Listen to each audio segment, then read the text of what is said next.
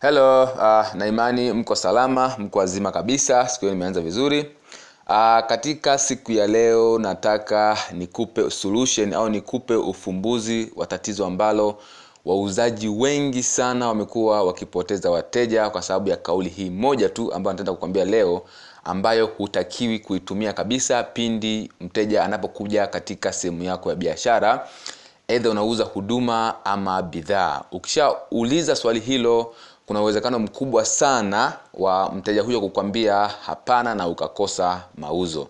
Na kauli hii imewakosti au imewagharimu watu wengi sana kuuza bidhaa ama huduma ambazo kiuhalisia walitakiwa waziuze kwa wateja hao.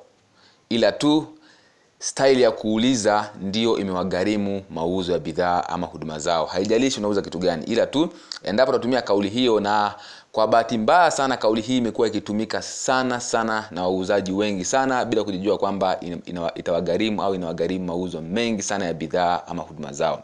Iko hivi uh, endapo mteja atakuja katika sehemu yako ya biashara eidha unauza bidhaa ama huduma then ukamuuliza naweza kukusaidia? Ama ukamuuliza kuna kitu unatafuta mteja huyo kwa asilimia mia lazima atakuuliza hapana nilikuwa naangalia tu. Nadhani nyewe ni mashahidi. Wateja wameshawahi kuja katika sehemu za biashara ukamuuliza kuna kitu natafuta? Akakwambia hapana nilikuwa naangalia tu then akaondoka. Mteja huyo sio kwamba kuna kitu alikuwa naangalia ila tu umekosea namna ya kumuuliza swali.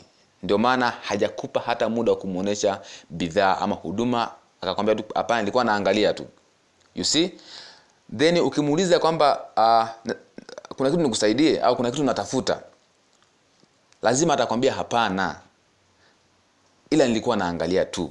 Wanaosema ndio ni wachache sana ni wachache mno. Lakini kwa asilimia zaidi ya tisini na nane watakwambia hapana. Nilikuwa naangalia tu then anaondoka kwa sababu gani? Kwa sababu tu umekosea jinsi ya kumuuliza. Na kauli hii imekuwa ikigharimu watu wengi sana katika kuuza bidhaa ama huduma zao.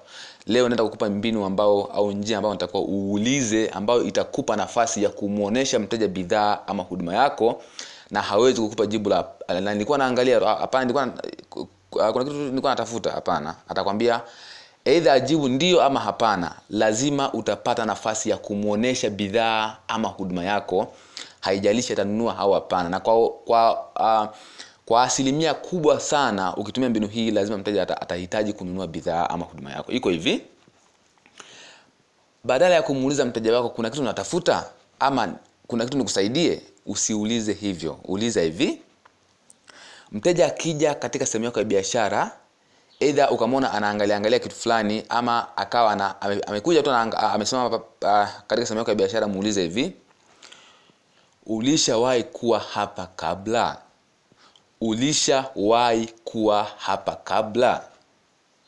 Badala ya kuuliza kuna kitu natafuta ama naomba nikusaidie muulize ulishawahi kuwa hapa kabla? Ukishamuuliza ulishawahi kuwa hapa kabla? Lazima atasema ndio ama hapana. Tuashum amesema hapana. Akishasema hapana unatakiwa useme hivi uh, tumeandaa special offer kwa ajili ya watu wote ambao hawajawahi kuwa hapa na wala hawajawahi kununua chochote katika sehemu yetu ya biashara. Naomba unipe dakika moja tu nikuoneshe ni ofa gani ambayo tumeiandaa kwa ajili ya watu hao. Then baada ya hapo sasa unaanza kufanyaje? Unaanza ku, ku, kueleza bidhaa yako ama huduma yako jinsi inavyotatua matatizo ya mteja huyo. Au unaanza kumuuliza maswali ambayo yatakupelekea wewe ujue kwamba ana uhitaji wa bidhaa yako ama hahitaji bidhaa yako. Narudia tena badala ya kuuliza kuna kitu natafuta au badala ya kuuliza naomba nikusaidie. Uliza hivi ulishawahi kuwa hapa kabla? Mteja huyo atakwambia eidha ndio ama hapana. Tuashumu amesema hapana. Akishasema hapana bado vile vile utapata nafasi ya kumwonyesha bidhaa yako na vile vile akisema ndio bado vile vile utapata nafasi ya kumwonyesha bidhaa yako ama huduma yako. Tuashumu sasa mteja akasema hapana hajawahi kuwa hapo kabla. Unamwambia hivi vizuri sana. Tumeandaa special offer au special program kwa, kwa watu wote ambao hawajawahi kuwa hapa na wala hawajawahi kununua bidhaa yote hapa. Naomba unipe dakika moja tu ili niweze kuonyesha ofa hii au programu hii ni programu gani au ofa hii ni ofa gani kwa ajili ya watu hao. Then atakwambia awene shida. Then utaanza kumwonyesha aidha unauza bidhaa ama ni huduma then unamwelezea jinsi jinsi bidhaa yako inavyotatua tatizo ama huduma yako jinsi inavyotatua tatizo. You see? Kwa hiyo hapo tayari utakuwa umeshapata gia ya kuweza kumwonyesha kile unachokiuza.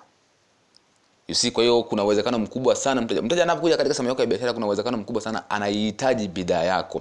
Ila tu the way unavyomapproach ndio inaweza ikakukosti kuiuza hiyo bidhaa ama huduma. You see? Kwa hiyo kuanzia leo tumia mbinu hiyo. Then assume sasa mteja akasema ndio nilishawahi kuwa hapa akishasema ndio nilishawahi kuwa hapa mwambie hivi vizuri sana.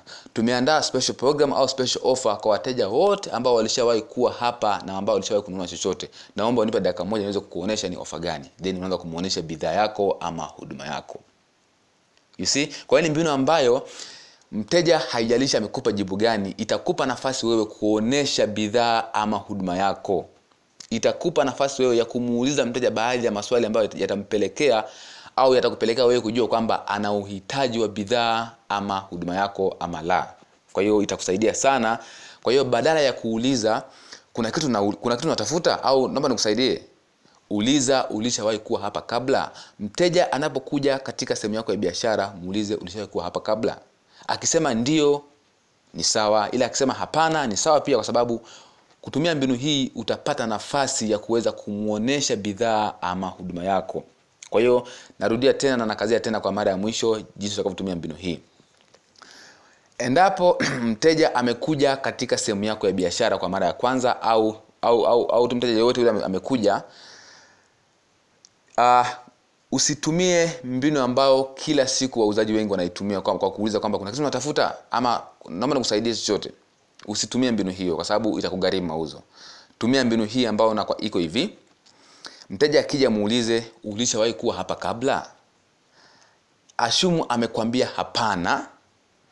Utamwambia hivi ni vizuri tumeandaa special program au special offer kwa ajili ya watu wote ambao hawajawahi kuwa hapa na wala hawajawahi kununua chochote katika uh, biashara yetu. Naomba unipe dakika moja ni kuonyesha ni kitu gani hicho au ni ofa gani hiyo then unapata nafasi ya kuielezea bidhaa ama huduma yako kwa mteja wako baada ya kumuuliza maswali kadhaa hiyo ni mbinu ya kwanza. Mbinu ya pili aidha mteja akasema ndio nilishawahi kuwa hapa.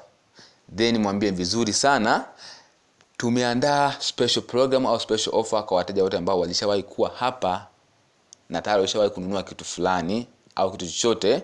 Naomba unipe dakika moja nikuelezee au nikuoneshe ni, ni special program gani au ni special offer gani ambayo tunayo kwa ajili ya wateja wa namna hiyo. Then unaanza kumwelezea au unaanza kumwonyesha bidhaa ambayo tayari unayo au au ni huduma ambayo ume, unayo unaweza sasa kumwelezea ni huduma gani ambayo na huduma yako inatatua tatizo gani kwa wateja wako. Kwa hiyo itakupa nafasi ya wewe kuweza kumpata mteja akusikilize kuweza kupata mteja ili aweze kukusikiliza. Kwa hiyo ni mbinu muhimu sana sana sana ambayo ukiitumia itakusaidia. Haijalishi unauza bidhaa gani. Aidha ni bidhaa ama ni huduma. Ukitumia mbinu hiyo itakusaidia sana wewe kukuongezea nafasi ya kuuza kwa mteja huyo wanasema kwamba uh, mbinu hii inasaidia kuuza bidhaa ama huduma kwa asilimia kumi na sita ina uwezekano wa kukusaidia kuongeza mauzo yako kwa asilimia kumi na sita endapo utaitumia. Wakija wateja kumi ukitumia hii kwa wateja nane au tisa unaweza ukashangaa unauza bidhaa ama huduma yako. Kwa hiyo badala ya kuuliza kuna kitu unatafuta? Ama naomba tukusaidie omba uliza ulishawahi kuwa hapa kabla ili upate nafasi ya kuongea na mteja wako na kumwonyesha ofa yako ama bidhaa ama huduma ambayo unaiuza. Kwa leo nataka niwaambie hivyo. Kwa hiyo mbinu hiyo ni muhimu sana itumieni then mkiitumia mtanipa mrejesho wake kwa sababu itafanya kazi. Asanteni sana